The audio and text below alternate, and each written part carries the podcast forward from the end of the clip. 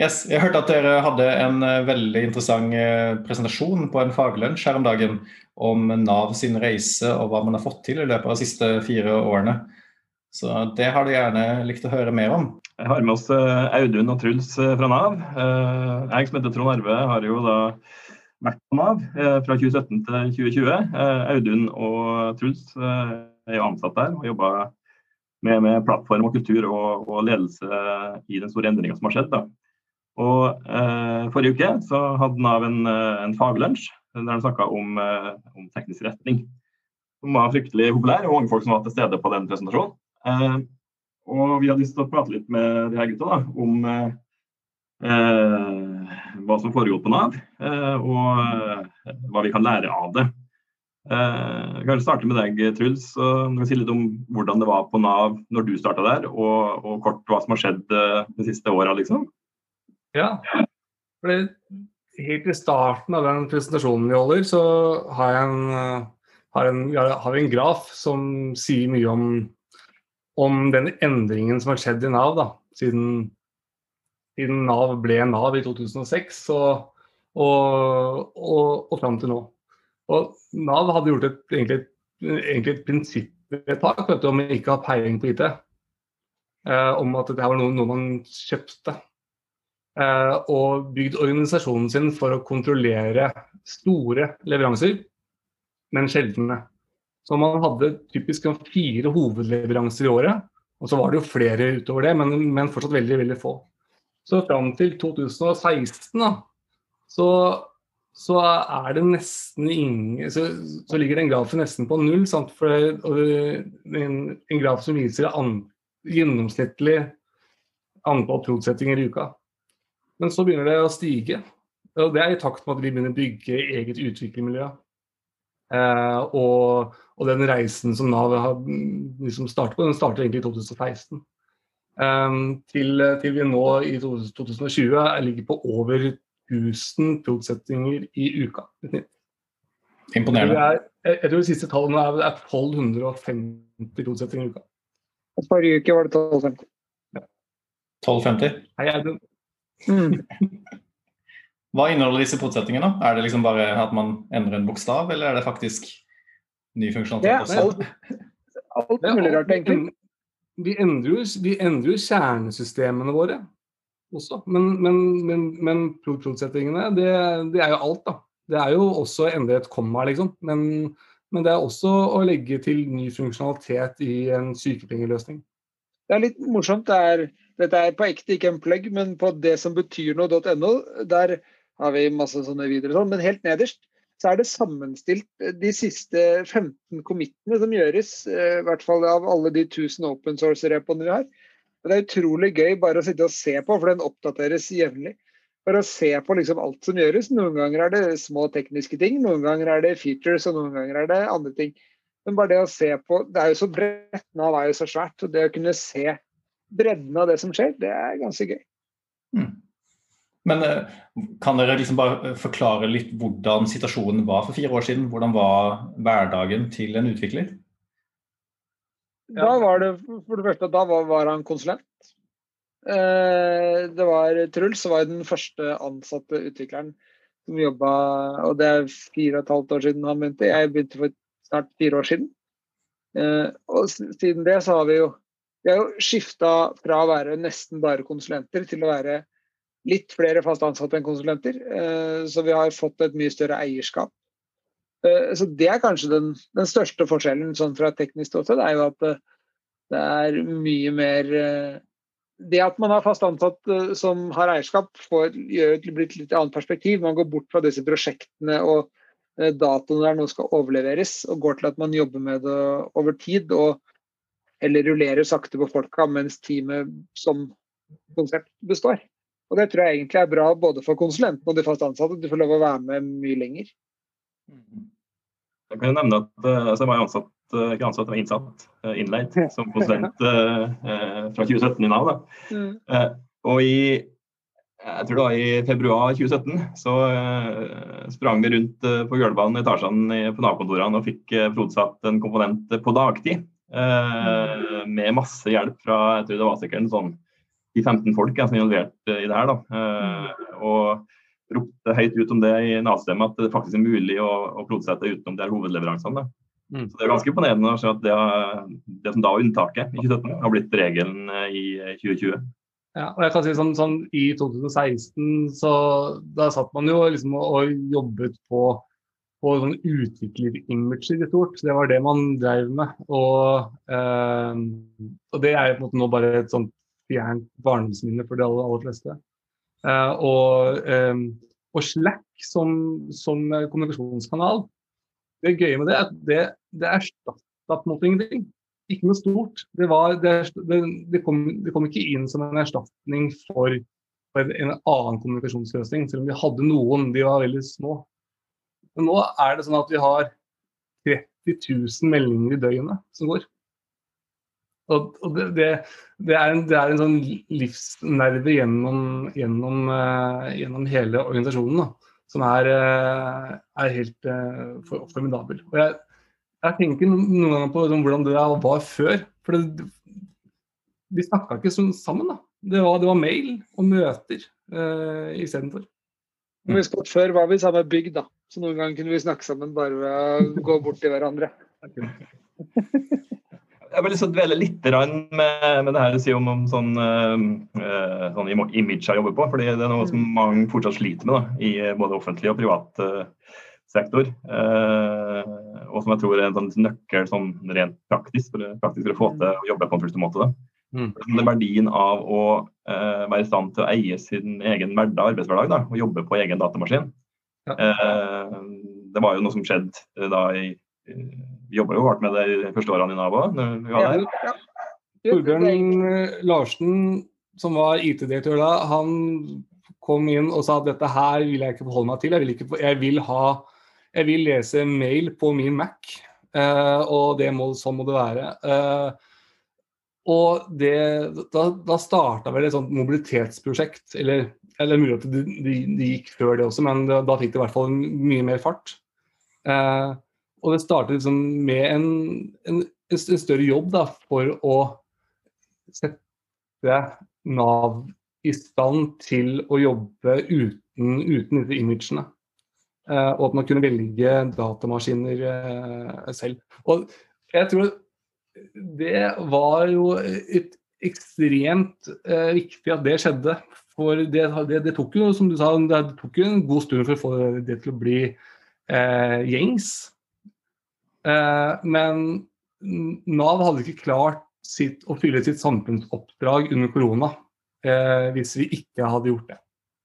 Det var ekstremt, det, når, vi snakker om at, vi klarte å levere forskudd på tre-fire dager og sånt under korona, så så, så var det også, det var også bare mulig fordi at alle satt på, eh, eh, satt på, på datamaskiner som funka hjem, hjemmefra. Så det der å ha et så bra mobilitetsløsning, det tror jeg er helt essensielt. Fordi akkurat Det er veldig interessant for meg, som måtte se det fra utsiden. Eh, da jeg hørte om Nav for kanskje fire år siden, så var det at dere satt på tynnklienter, jobba sånn som du beskriver via mail og møter, og hadde ganske sånn store overleveringer til en driftsavdeling som kanskje forutsatte neste kvartal osv. Til nå, for bare noen måneder siden, når man klarte å lage en løsning fra A til Å, produsenten, i løpet av tre-fire dager. Mm. Det er et paradigmeskifte i hvordan måtte, i måtte disse ytterpunktene her. Helt enig, men på tross av det paradigmeskiftet, så er det jo bare fortsatt på par. Eh, det er jo egentlig bare at vi har nådd opp til resten av verden på de områdene her, tenker jeg. Det er ganske, altså når jeg begynte i Nav, så visste vi allerede at det var sånn her det burde være. Det var ikke at vi kom på, kom på noen helt nye ting. Mm. Uh, apropos det med Jeg og Trond Arve jobba veldig mye for å få denne laptopen til å funke. Og nå er, vi, nå er vi virkelig helt på oppløpssida. Det siste hellige gralen er jo at vi kan få Linux. Uh, og det er vi. Vi har tre, tre, på nå og rett rundt hjørnet for å få det som et tilgjengelighet eller en mulighet for alle. Mm, kult. Hvilke måte, grep eh, tok dere underveis for å få til det? Ett ting var jo at man skulle kunne bring your own device, eller måte, bestemme device mm. selv. Hvilke andre ting var det dere gjorde for å gå fra fire år siden til nå? Jeg synes vi var ganske tøffe. Altså, vi, vi, vi prøvde eller I liten grad så forholdt vi oss til hva som egentlig var prosessene som fantes. Vi gikk rundt eller gjennom når det var nødvendig, i mye større grad enn jeg har vært vant til å gjøre før, egentlig. Så hadde vi, vi hadde fordelen av at vi hadde, hadde veldig god backing fra alle lederne. Torbjørn spesielt var liksom en sånn kunne alltid snakke med han og vite at vi hadde backing fra han som IT-direktør. Og det hjalp veldig mye. Det korta ned en del prosesser. Eh, når vi var enige i rett linje fra toppen, hva som var riktig, så kunne vi gå ganske rakt på mål noen ganger. Da. For som sagt, det var, det var ikke så stor uklarhet om hva mål var. Det var bare hvordan vi skulle komme oss dit som var uh, greia. Jeg tror liksom det der å ha den å føler at du, du, kunne gå rundt og ha et slags sånn studokort eh, i, i, møter. Eh, det hjalp jo voldsomt. sånn at Vi jobba jo både liksom, nedenfra og opp, som, som Audun og jeg gjorde, og, så, hadde, og jobba Torbjørn på en måte eh, ovenfra og ned. da. Og det, jeg, tror man, jeg, tror man, trenger begge de to kreftene for å få til sånne endringer.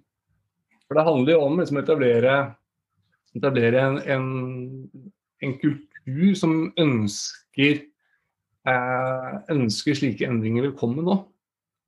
Det er, det, er, det, er, det, er, noe med å gå fra eh, I Nav så har man alltid snakket om sikker og stabil drift.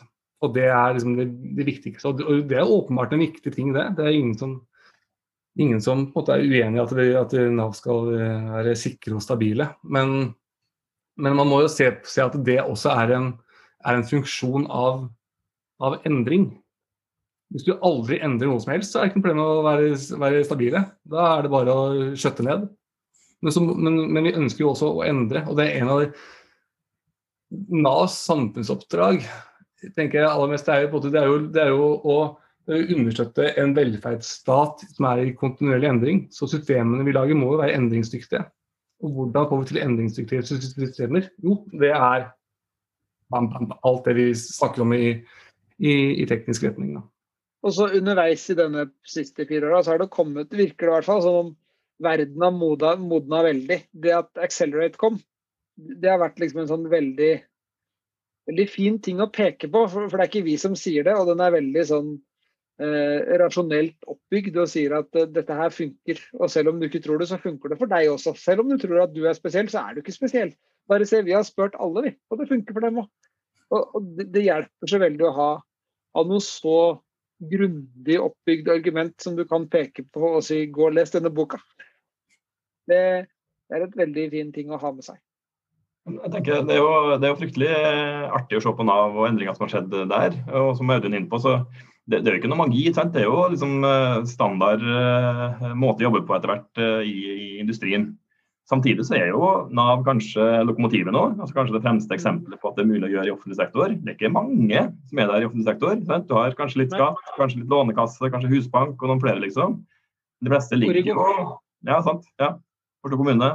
Eh, mm. de fleste ligger jo et stykke bak. da. Og det, Mange har jo lyst til å komme dit. altså ser jo opp til, til Nav og det her uh, måten de jobber på. Uh, og En ting er å ha en sånn uh, divisjonell leder tenker jeg, som Torbjørn har vært. og har vært veldig uh, viktig for å få til endringer. da. Uh, mange har jo ikke det. er de da på en måte dømt til å ikke lykkes da? Nei, jeg tenker jo også du kan bygge det som jeg sa, du, du kan også bygge det rasjonelle argumentet da, og prøve å, og, og, så prøve å vise det i litt mindre former. Eh, det, det, som kanskje den lederhjelpa hjalp oss at vi trengte ikke å ta det første steget med å vise at det funka litt mindre. Selv om vi hadde det også. Det er noe som het Digisyfo. Det var et prosjekt som eh, jeg aldri helt skjønt Det begynte før meg, i hvert fall. Og Det var en sånn liten enklave i Nav som gjorde mye av disse tingene. De hadde ikke de samme De det hadde ikke det samme verktøy og plattformstøtta, men de fikk til mange av de samme tingene. og det var, det var det var veldig fint å ha en ting å peke på og si at dette her funker også her. Eh, og så kunne vi bygge det videre og gjøre det mye bedre. Da. Men jeg tror det er veien å gå for de fleste. Og ikke prøve å løse alt på en gang. Eh, for det får du aldri til. Du må få det til å funke et sted, og så må du jo se hvor så viktig du klarer å få det til, men ikke viktigere. Se der du begynner, sånn at du kan ta det derfra. Jeg tror eh, En av de tingene som du nevnte, Truls, var også veldig interessant å bare høre mer om. Er det den kulturpivoteringen fra eh, sikker og stabil drift til vi skal underbygge et, eh, et samfunn som er under kontinuerlig endring. Fordi så fort kulturen adopterer tankesett om at ting endrer seg, og at vi trenger å endre oss raskere det, eller like raskt som verden endrer seg, så skjer det noe. Men den endringen i kultur er vanskelig å få til. Hvordan er det dere har fått til det?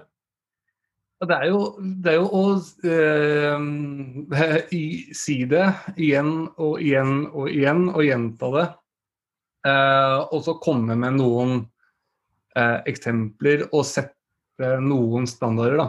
Så Vi var for ganske tidlig ute med å si at vi skal kode for åpen scene.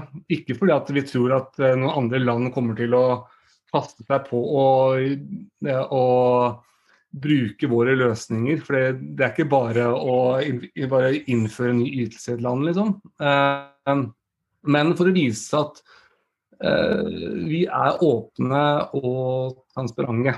Det var en viktig ting. Vi, vi, vi, implementerer et lovverk som er åpent, og da bør også implementasjonen være åpen. og Dette er offentlig finansiert IT som bør være offentlig tilgjengelig. Så Det er, jo, det er lett å finne, finne, finne, argumentene for det. Men det, så de, de, etablerer noen sånne praksiser, gjør jo noe med kulturen. Si at, okay, så, ja, så vi er åpne, eh, ja. Eh, og, vi, og begynner å snakke om at å premiere eh, premiere åpenhet og premiere også feil som gjøres. Det var veldig spennende når vi begynte å å ha kjøre post mortems åpent for å, for, for å, fjerne oss fra en kultur som handlet mer, mer, på å ha ryggen fri, til å faktisk eh, snakke om de feilene vi gjør, som vi, som vi gjør hele tiden, eh, og lære av de. Og så, ja. og så var det en del eh, misforståelser. Altså, det var mange som trodde at hvis vi deploya ting hele tiden, så kom alt til å forandre seg hele tiden knappene i applikasjonene de brukte, kom til å hoppe rundt eh, bare fra, liksom dag til dag. Og det er jo ikke det man mener. Eh, det er liksom å forstå at eh, endringer er ikke alltid observerbart. Noen ganger er det bare at du gjør ting bedre, sånn at du kan gjøre den større endringen du har tenkt å gjøre om en uke, enklere. Og det at du skiller mellom tekniske endringer og endringer som påvirker noen, og du kan feature Det er så mange ting som liksom ikke var en del av forståelsen hos brukerne våre. Hva så blir da redde for? De, det er jo ikke noe bra for Nav, som har et ganske sånn strikt regime for saksbehandlerne, om verktøyet deres blir ubrukelig hver dag. Så, så, hvis de er redde for det, så skjønner jeg godt at de er skeptiske når vi sier at vi vil deploye hele tiden. Ja, det er mye bedre at verktøyene deres bare endres fire ganger i året. Og Det også er en, en viktig ting som vi, som vi, også snakket mye om rundt kultur. Eh, at vi må slutte å tenke at vi skal prøve å unngå alle feil. For det, det, det klarer vi ikke. Men, vi, men det, vi må, det, vi må, sikte på, er å gjøre konsekvensene av feilene så små som mulig. Da er du tilbake til accelerate-metrikken med å, å, minimere min time to recovery. Og Det er, det er, er tingen. da. Vi, når vi da gjør 1000 prosentsettinger i uka, så er det klart at noen av de ikke, ikke var perfekte. Men konsekvensene av de er også, er også veldig små. Sånn, vi vi tok jo, vi tok jo ned uh, en, en, stor del av Nav her i forrige uke. Det var nede i to minutter. Okay. Det, så konsekvensen av det var ikke så stor. Hadde det her mm. vært for fire år siden, så hadde det vært, det hadde vært lege. Liksom. Mens, mens, mens, nå var det bare noe som vi bare håndterte der og da.